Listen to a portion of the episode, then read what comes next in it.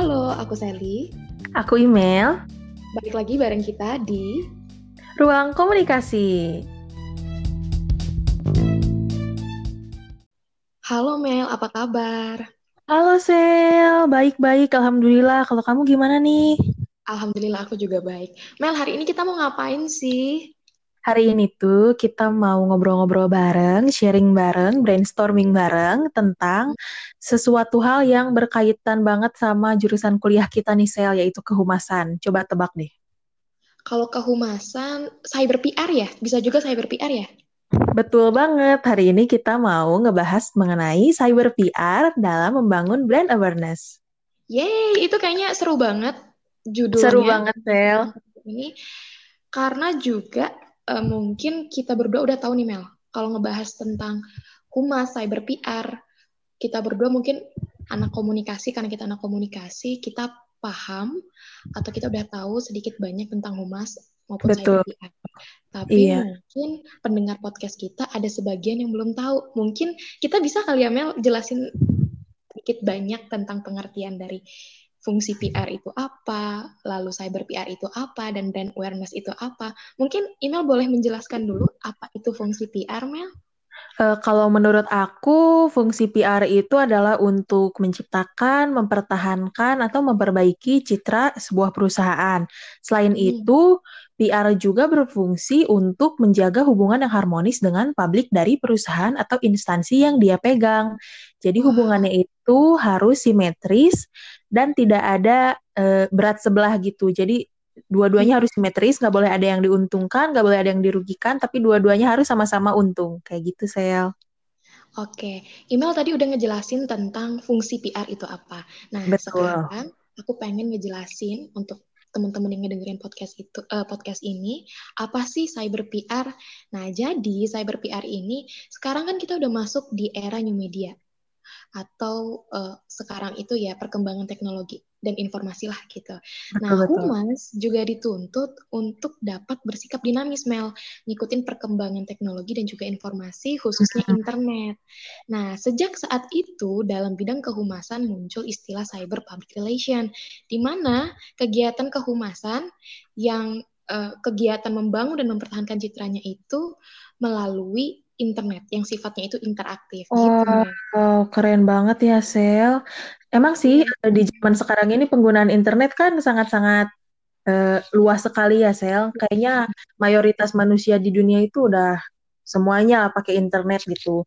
Bahkan Betul kalau kita bisa mengutip dari eh, eMarketer, secara global pengguna internet atau media sosial pada tahun 2022 itu diperkirakan akan meningkat menjadi 3,29 miliar orang, Sel.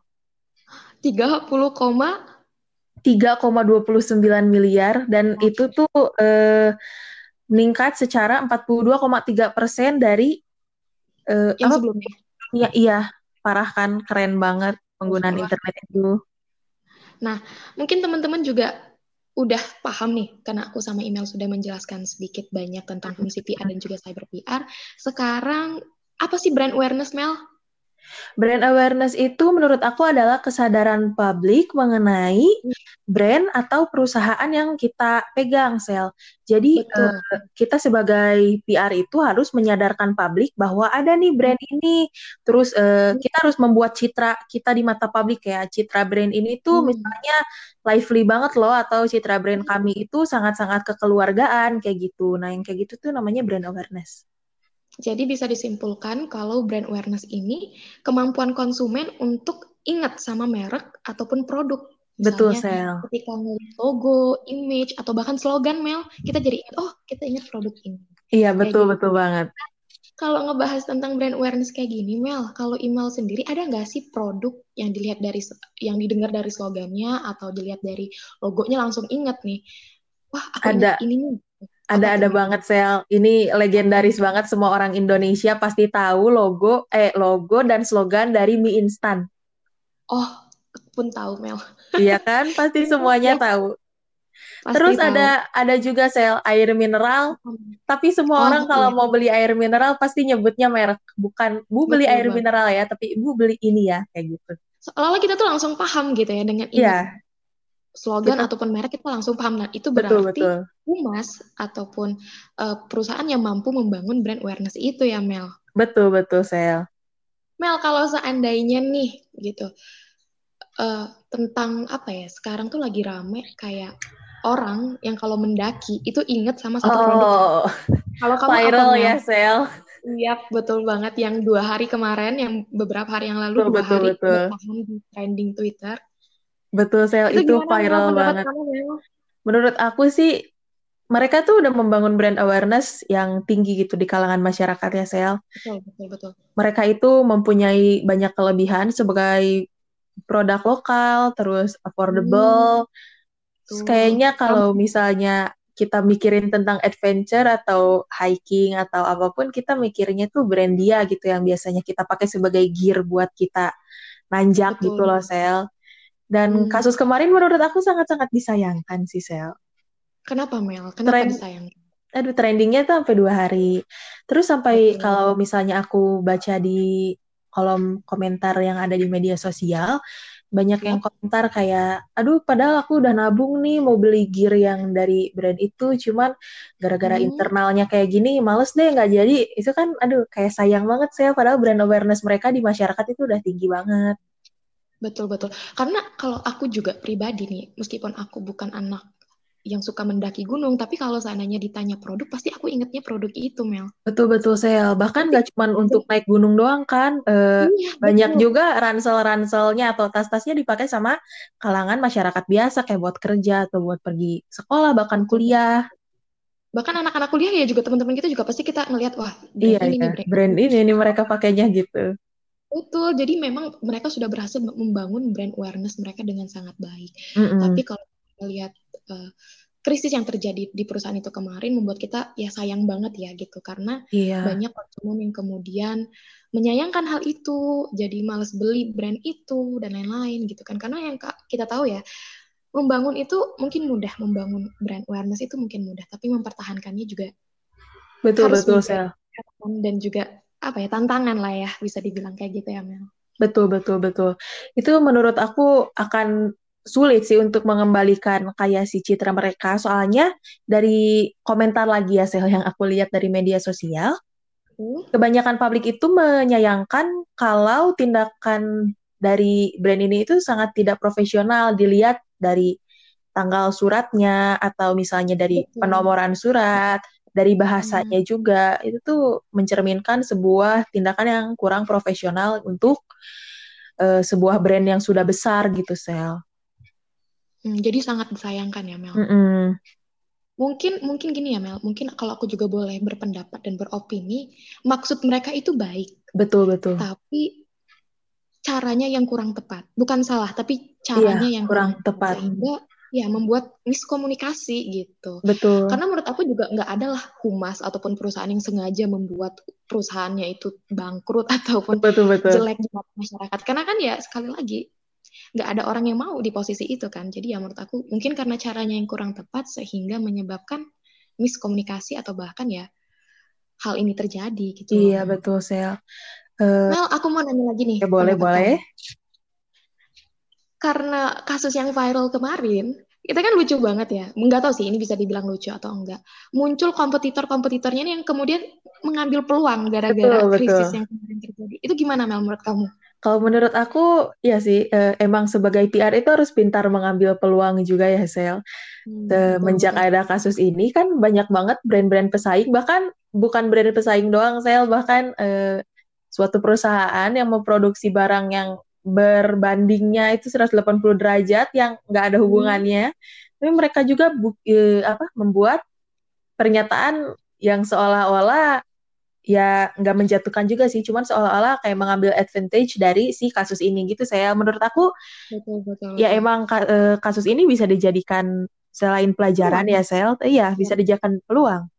Betul sekali. Hmm. Jadi itu menarik banget ya Mel sebenarnya.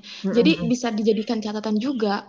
Mungkin bagi perusahaan kita ini krisis, tapi bagi para kompetitor ini bisa jadi peluang gitu. Jadi ya sekali lagi sih, selagi memang tidak menjatuhkan, s- aku Betul, pikir ya betul. itu Nggak bisa apa-apa. dijadikan peluang Iya, bagi para kompetitor ataupun perusahaan-perusahaan yang lain. Betul sekali, Sel. Kalau menurut Mel. kamu nih, Sel, aku mau nanya deh Yap, sekarang. Mel? Hmm, Kalau boleh, boleh. dari li- dilihat dari kasus ini deh, kan trendingnya itu sampai dua hari ya, Sel ya, dua hari nonstop Hmm. trending. Terus eh, apa sih strategi yang harus mereka lakukan untuk mengembalikan kembali nama brand mereka itu menjadi baik kembali gitu, Sel citranya? Oke, kalau aku seandainya PR dari perusahaan itu, hal yang Hmm. aku lakukan pertama kali adalah yang pasti aku minta maaf. Betul. Kenapa Mel? Karena ya tanpa disadari juga banyak banget orang yang ternyata berpendapat bahwa si perusahaan ini salah gitu. Sehingga mengakui kesalahan itu adalah salah satu hal yang paling utama. Betul, betul. Gitu. Lalu bisa juga aku sebagai ta- tanda pertanggungjawaban atas hal yang sudah aku lakukan kemarin sebagai permintaan maafku ya aku mencoba untuk mewakili perusahaanku em, coba kirim peralatan kamera gitu Betul, kan itu betul. kan perusahaan itu kan ya mengkomplain katanya kualitas dari video reviewnya itu kurang bagus gitu Betul, ya betul, betul. sehingga sebagai salah satu bentuk support, jangan hanya aku mengkritik, tapi aku juga memberi sol- solusi nih gitu. Nah, sebagai salah satu bentuk support aku ya aku coba kirimin kamera, audio, tripod, ya hal yang mendukung supaya video reviewnya ke depan itu semakin lebih baik. Iya, Sel, benar Gitu. sekali. Itu adalah salah satu bentuk usaha. Kayak gitu Mel mungkin. Betul, betul. Aku juga setuju sama Hmm. kamu karena emang si perusahaan itu eh benar yang kata kamu tadi, niatnya itu baik, cuman cara penyampaiannya itu kurang Hmm. tepat. Mereka itu mungkin tidak ingin eh, produk mereka terlihat jelek di mata publik Yap. gitu, makanya mereka memberikan teguran, cuman caranya kurang tepat sih menurut aku. Jadi betul kata kamu tadi, yang harus dilakukan adalah mensupport dengan memberikan dukungan gear-gear untuk Hmm. rekaman seperti mikrofon atau kamera itu sangat pas menurut aku. Yap, betul.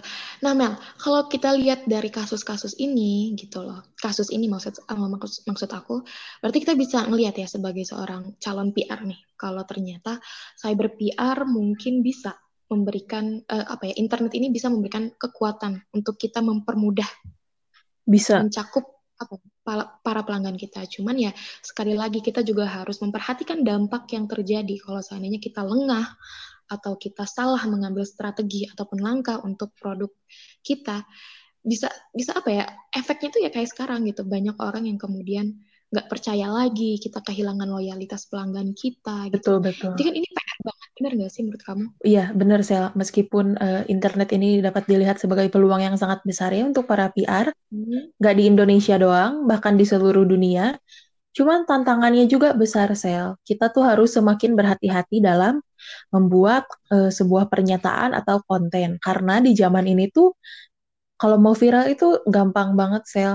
Tinggal hmm, modal upload doang, terus postingan kita bisa menjadi viral kayak gitu. Jadi ya betul semakin apalagi kalau semakin ya besar kalau itu tantangan, eh semakin besar eh, peluang menurut aku tantangannya juga akan semakin besar, Sel. Hmm. Apalagi ya Mel kalau seandainya hal-hal yang berbau kritik, hal-hal yang berbau kritik gitu ya, hal-hal yang ya pokoknya ya berbau-bau kritik lah tentang produk atau apa, itu gampang banget viralnya Betul, ya betul, sih? betul, Sel. Jadi jadi ya kita sebagai PR itulah adanya cyber PR. Kita juga harus membaca situasi nih gitu, produk kita di internet, produk kita di mata masyarakat, pelanggan, Betul. konsumen kita tuh gimana sih gitu. Baik nggak? Diterima nggak ya? Kira-kira ada nggak ya keluhan ataupun apa? Ketika kita menemukan keluhan, sebaiknya kita langsung memperbaiki ya Mel. Betul, Apa kira-kira yang bisa atau yang pantas untuk produk kita bisa diterima dengan baik oleh eh, kepada pelanggan kita. Betul, betul. Itu kali ya Mel. Mel, eh, kalau kita tadi ngebahas tentang hal yang kemarin viral nih. Sekarang aku pengen nanya pendapat kamu. Karena kan emang eh, seperti yang kita tahu ya, PR itu bisa memanfaatkan internet, khususnya media sosial, di mana pun platform media sosial. Iya, betul. Gitu. Kamu salah satu pengguna platform internet, ah, sorry, media sosial yang joget-joget itu nggak sih? Iya, aku tuh eh, pengguna nggak aktif juga sih, Sel. Tapi aku tuh sering Ya. banget ngelihat atau Hmm. ngebuka si platform sharing itu. Dan menurut aku di dalam platform sharing itu kita bisa banget untuk membangun brand awareness. Betul. Kalau kamu perhatiin, kan aku juga salah satu user atau pengguna si platform yang joget-joget ini, Betul, betul, itu Sel. ternyata platform itu tuh udah digunain bukan hanya sekedar untuk hiburan aja, tapi sebagai salah satu cara untuk mempromosikan produk, iya nggak sih? Iya, iya, iya banget. Pokoknya sampai ada istilah keracunan gitu loh, Zel. Dan pasti kamu juga sering kan keracunan dari platform sharing itu? Bang, aku salah satunya, Mel. Iya, bahkan nih Sel yang menarik lagi, uh, setiap ya. kayak brand atau perusahaan itu mempunyai akun si dari platform tersebut kan, terus mereka itu suka komen-komen di video review atau di video yang yang bukan review juga mereka tuh komen. Sampai ada kayak si image-nya itu udah nempel gitu di kalangan pengguna uh, sharing platform tersebut. Kayak misalnya admin admin media sosial dari perusahaan A tuh cuek banget deh. Terus admin perusahaan B itu uh, lucu banget deh sering bercanda kayak gitu. Dan itu tuh bagus banget nggak sih sel untuk membangun brand awareness tapi nggak perlu ya itu branding. Itu branding tapi kita nggak perlu effort yang tinggi gitu sel untuk hmm. membangun brand awarenessnya itu. Jadi emang emang emang ya kecanggihan internet media sosial sekarang tuh tanpa disadari benar-benar membantu betul ya, betul betul. Kadang juga ya Mel kalau aku lihat di platform joget-joget ini gitu. Kita sebelumnya mohon maaf nih untuk para pendengar podcast kita. Kita harus sedikit memfilter karena kita takut hak cipta ya Iya, Mel. iya Sel. Kita nggak bisa nyebutin, Jadi, tapi pasti kalian tahu kok. Soalnya yang kita omongin itu viral ya Sel. Ya betul. Kalau yang aku perhatiin ya Mel di platform ini, di media sosial ini tuh, kadang mereka itu bisa ya memproduk apa ya mempromosiin produk tapi tanpa kelihatan kalau mereka itu mem mempromosiin gitu. Betul. Jadi kita tuh tanpa disadari juga kayak pengen ikut-ikutan nih misalnya nih kemarin tuh yogurt ya yogurt produk yogurt yang hampir seluruh apa ya pengguna uh, si platform ini media sosial ini tuh ngepromosiin jadi ikut-ikutan pengen coba pengen deh coba rasa rasa ini rasa ini rasa ini tanpa disadari kita tuh keracunan jadi ya betul, ya emang betul. menurut aku ya keren banget ya cara mereka mempromosikan produknya tanpa disadari kita tuh apa ya pengen gitu pengen cobain juga gitu. betul sel yang tadi kata kamu bilang di awal itu eh, dinamis sel mengikuti perkembangan zaman hmm. mungkin sekarang itu trendingnya untuk mempromosikan tanpa eh, jadi halus gitu sel cara promosinya itu nggak nggak kayak aku di di endorse ini nggak kayak gitu. Tapi mereka itu mempersuasi publiknya dengan cara yang halus sehingga kita juga ikut terpengaruhi. Tanpa kita sadari iya loh. tanpa kita tanpa sadari kita... benar sel. Aku sampai cari-cari yogurt yang kamu bilang tadi sama nugget sel. Hmm. kamu harus tahu aku cari-cari nugget di mana-mana itu nggak ada. Gara-gara platform karena ini. karena hampir seluruh orang itu promosiin betul, itu gitu betul. gitu produk itu Mel jadi tanpa disadari wah mereka nggak perlu nih uh, apa ya bayar mahal-mahal iklan di TV untuk sekedar mempromosikan betul gitu. Sel. bayar content creator di platform atau di media sosial ini mereka udah bisa dapat apa ya value engagement yang luar biasa ya. Mel ya betul kan? Sel uh, value dari si platform ini tuh menurut aku sangat-sangat tinggi terus uh, tingkat hmm. engagementnya juga besar banget Sel karena pengguna platform hmm. ini sendiri itu kan terdiri dari uh, milenial sampai Gen Z mungkin ya. Dan itu tuh orang-orang yang lagi aktif-aktifnya banget dalam uh, media sosial, terus mereka juga dalam produk uh, apa usia yang produktif gitu sel. Jadi kalau mereka ngelihat barang dan mereka mau gitu barang tersebut, mereka bisa langsung beli dengan mudahnya. Ya, keracunan impulsif. Karena Betul. ya seperti yang kita tahu ya anak-anak muda ya kayak kita kadang nggak mikirin. Pokoknya pengen aja dulu cobain aja betul, betul, jadi ya gampang terpengaruh tadi ya Mel.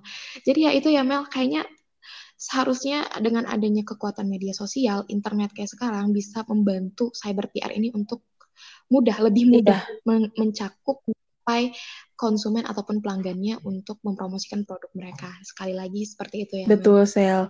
Meskipun uh, bisa lebih mudah untuk mempromosikan, tapi yang tadi itu rintangannya juga akan semakin hmm. besar, Sel. Kita itu harus lebih berhati-hati sebagai PR ya, harus lebih berhati-hati dalam membuat uh, konten atau pernyataan di media sosial. Salah sedikit kata pun itu bisa menjadi viral dan bisa menjatuhkan brand yang kita naungi gitu loh, Sel. Betul. Bahkan bukan cuma apa ya, bukan hanya perusahaan ataupun dari brand itu aja yang sempat kena. Aku pikir kayaknya kalau diinget-inget ada deh beberapa beberapa brand yang juga sempat viral gara-gara dapat kritikan dan lain-lain. Gitu. Banyak gitu. banyak. Jadi ya seharusnya seharusnya ke depannya juga ini bisa menjadi catatan untuk para Iya. public relation, humas di suatu perusahaan bahwa memang internet bisa membantu kita mempermudah untuk mempromosikan produk atau meningkatkan citra, tapi sekali lagi dampaknya juga itu harus diperhatikan. Betul, Sel. Betul sekali.